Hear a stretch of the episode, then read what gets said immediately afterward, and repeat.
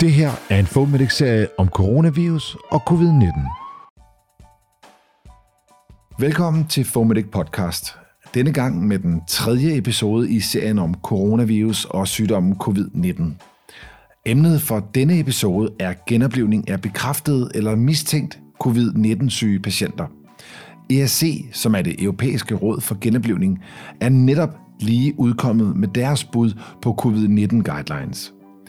En af grundene til, at de kommer med helt specifikke retningslinjer til denne sygdom, er selvfølgelig, at den fylder alt i det europæiske sundhedsvæsen for tiden. Men det er også fordi, at den her sygdom den er så smitsom, at værnemidler er nødt til at være beskrevet i behandlingen af de her patienter. Værnemidler i forbindelse med hjertestop og luftvejshåndtering er noget, som har skabt stor frustration siden starten af den her coronapandemi. Og det er også noget, som har lagt os i Fomenic meget på sinde. Derfor er det dejligt, at ERC nu endelig er kommet med officielle retningslinjer. Det er så interessant, at vi sidder her og optager den her podcast på nattevagten natten mellem den 29. og 30. april, så den kan lande i dine ører så hurtigt som muligt. I dag der er det Martin Madsen, og mit navn er Morten Lindqvist. Velkommen til endnu en podcast i serien om coronavirus og covid-19.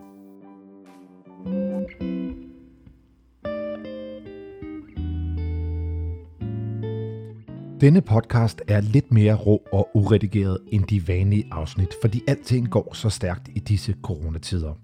Episoderne indeholder emner, regler og retningslinjer, som er gældende i dag, og derfor kan der være ændringer og opdateringer, når du hører episoden.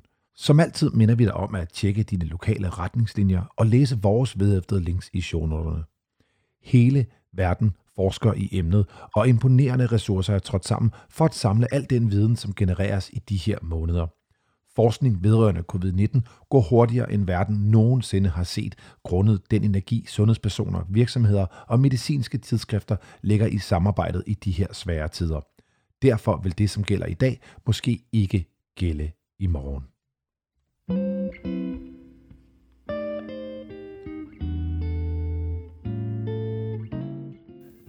Det har været ventet, og jeg er personligt super glad for, at der nu er kommet et officielt bud fra ESC på, hvordan vi skal forholde os, når vi skal genopleve patienter, som er testet positive eller som er mistænkt for at have sygdommen covid-19. Hvad der er spændende, det bliver, hvordan det danske sundhedsvæsen, Sundhedsstyrelsen, vil tolke retningslinjerne og indarbejde dem i vores vejledninger. Der er nogle afgørende forskelle fra den velkendte ALS-procedure og til den, som vi skal anvende på covid-19-patienterne. Men det er vigtigt at sige, at der ikke er tale om en ny algoritme til selve behandlingen, når vi taler om stød, mediciner og cyklus. Jeg personligt er specielt glad for, at ESC i de her retningslinjer har specificeret, hvordan vi skal forholde os præhospitalt. Nemlig, at der er ingen forskel på, hvordan man skal behandle patienterne præhospitalt og inhospitalt.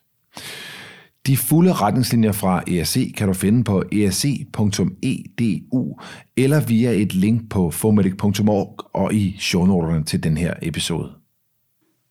Vi vil her fremhæve de væsentligste ting, når vi taler ALS-genoplivning af voksne. Men ERC har også taget stilling til patienter i buleje og til pædiatriske patienter. Først kommer et par grundlæggende ting fra anbefalingerne, og efterfølgende gennemgår vi trinvis et scenarie, som ERC beskriver i retningslinjerne. Grundlæggende handler det mest om sikkerhed for dig, vores kollegaer og patienten.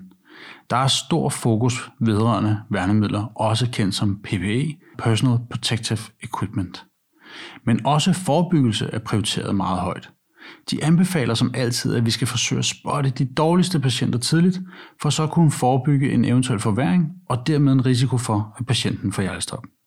Men specielt for covid-19-patienter betyder det at forebygge et hjertestopscenarie, at man undgår at ende i en procedure, som øger ens risiko for smitte. En anden ting, som ERC prioriterer, det er at identificere de patienter, hvor genoplevning kan virke udsigtsløst, og så sikre, at det bliver dokumenteret og kommunikeret til de relevante personer. Den dokumentation kan beskytte vores kollegaer for yderligere risiko for smitte, hvis de i tide undgår at opstarte udsigtsløst behandling. Og så en rigtig interessant ting. ERC definerer brystkompressioner, altså hjertemassage og al luftvejshåndtering i forbindelse med genoplevning, som en potentiel aerosoldannende procedure. Sundhedspersonale bør derfor ifølge ERC-retningslinjerne iklæde sig værnemidler af den standard, der kan modstå luftborgen smitte, før de starter hjertemassage eller luftvejshåndtering. Det beskriver de som minimum FFP3-maske, hvis det er muligt, ellers en FFP2-maske, briller og ansigtsbeskyttelse, samt langærmet forklæde, som beskytter hele forsiden, og handsker. De anbefaler også brug af et viralt filter af typen HME eller HEPA, som flere regioner allerede har indkøbt til ambulancerne mellem masken og den selvudfoldede ventilationspose. Vedrørende defibrillering nævnes det, at den procedure ikke er at regne som en aerosoldannende procedure, og derfor kan stødet leveres med kirurgisk maske eller mundbind, briller og et kortærmet forklæde samt handsker. Det kan være et scenarie, hvor en patient for eksempel får hjertestop, uden at du har det fulde PPE-udstyr på, men at der er en defibrillator tilsluttet patienten allerede. Her vil det være muligt at afgive stød, uden at der gives massage eller ventilationer. Og man kan da give op til tre sammenhængende stød efter hinanden, så frem der ikke er sundhedsfagligt personale, som er iført korrekt PPE, klar til at opstarte brystkompressioner. Lad os løbe det igennem som en sekvens vil se ud, ud fra ERC's covid-retningslinjer. Eksemplet kan også findes i ERC's retningslinjer. Ved en bevidstløs patient uden normal vejrtrækning skal der kaldes eller råbes efter hjælp. Så skal vi se efter, om der er tegn på liv ved at stimulere patienten med lidt smerte, og så skal der tjekkes for puls. Man skal ikke lægge hovedet ned til patientens ansigt for at lytte efter vejrtrækning. Hvis patienten har hjertestop, så skal du via din lokale procedure aktivere, at der bliver kaldt efter hjælp, enten ved at trykke på en knap, ringe 22 22, eller som det er i ambulancen ved et kald via din radio.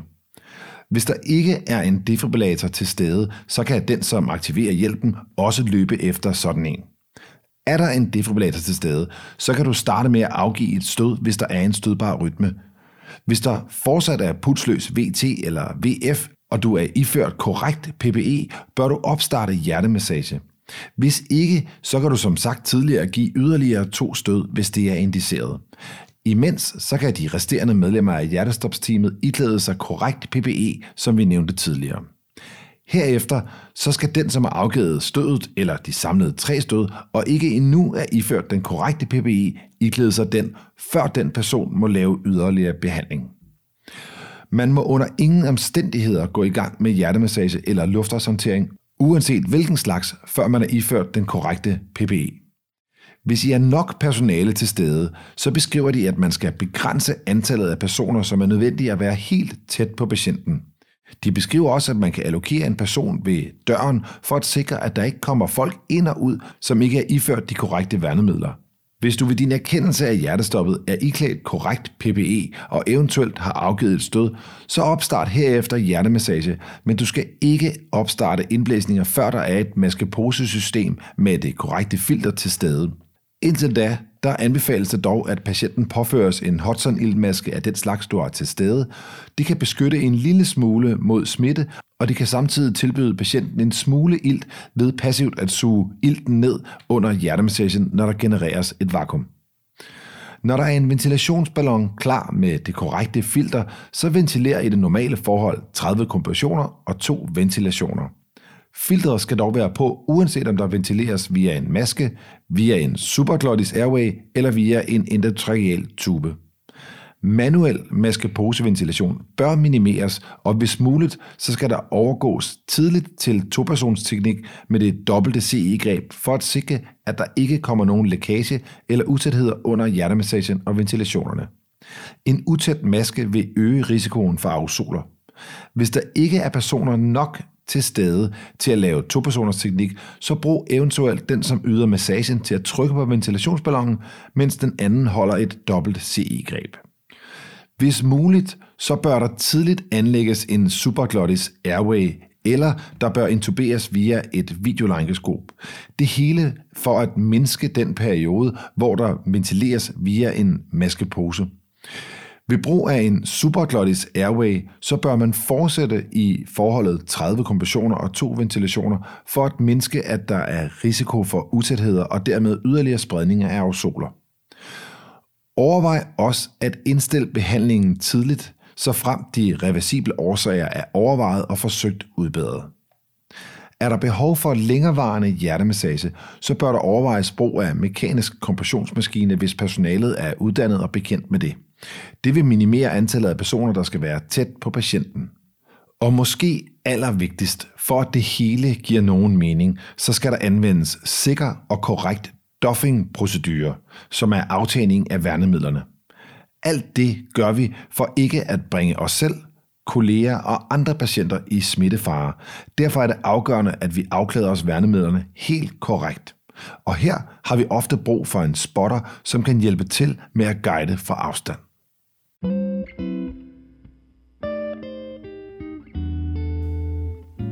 Det var ERC's covid-19-retningslinjer for avanceret genoplevning.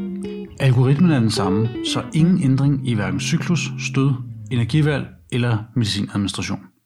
Men kort opsummeret er her de vigtigste ting, som vi lige vil pointere.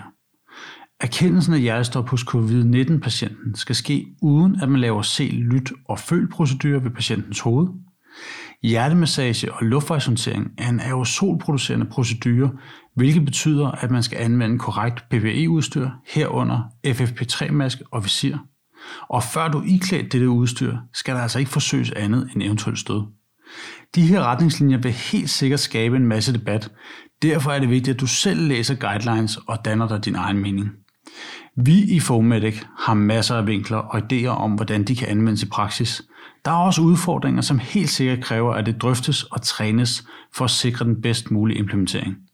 Mere om dette i næste episode, hvor vi vender vores tanker om genoplevningen af patienten med covid-19.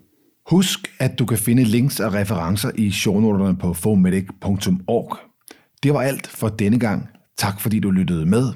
Vi er Martin Madsen og Morten Lindqvist. Vi høres ved.